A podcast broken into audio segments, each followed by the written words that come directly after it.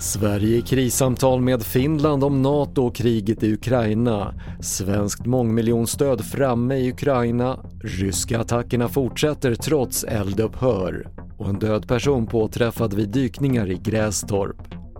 TV4-nyheterna börjar i Helsingfors där statsminister Magdalena Andersson och försvarsminister Peter Hultqvist är på plats för krissamtal med Finland om NATO och kriget i Ukraina. Finland is Sweden's closest partner, especially when it comes to foreign and defense policy. And this is the reason it was important to me to come today to visit uh, Prime Minister Marin, but also President Niinistö. And uh, my visit takes place as part of the increased coordination that takes place continuously between our countries. Det sa statsminister Magdalena Andersson på en presskonferens idag och du kan se mer om de svensk-finska samtalen på tv4.se. Sveriges stöd på 500 miljoner kronor till Ukrainas väpnade styrkor har kommit fram. Det uppger utrikesminister Ann Linde.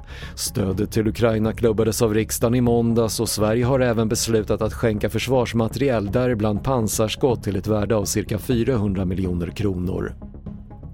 Evakueringen av civila i hamnstaden Mariupol i Ukraina avbröts efter bara några timmar. En humanitär korridor upprättades under morgonen efter ryska löften om ett tillfälligt eldupphör men enligt ukrainska myndigheter avbröts insatsen då striderna ska ha fortsatt och omöjliggjort en säker evakuering av civila. Och en kropp hittades idag utanför Grästorp i Västergötland i samband med dykningar efter en försvunnen kvinna. Kroppen är inte identifierad än men polisen säger att det inte går att utesluta att det är den kvinna i 20-årsåldern som försvann från Grästorp för några veckor sedan. Sannolikt kommer det att dröja några dagar innan man kan fastställa identiteten på personen. Fler nyheter hittar du i vår app TV4 Nyheterna. Jag heter Patrik Lindström.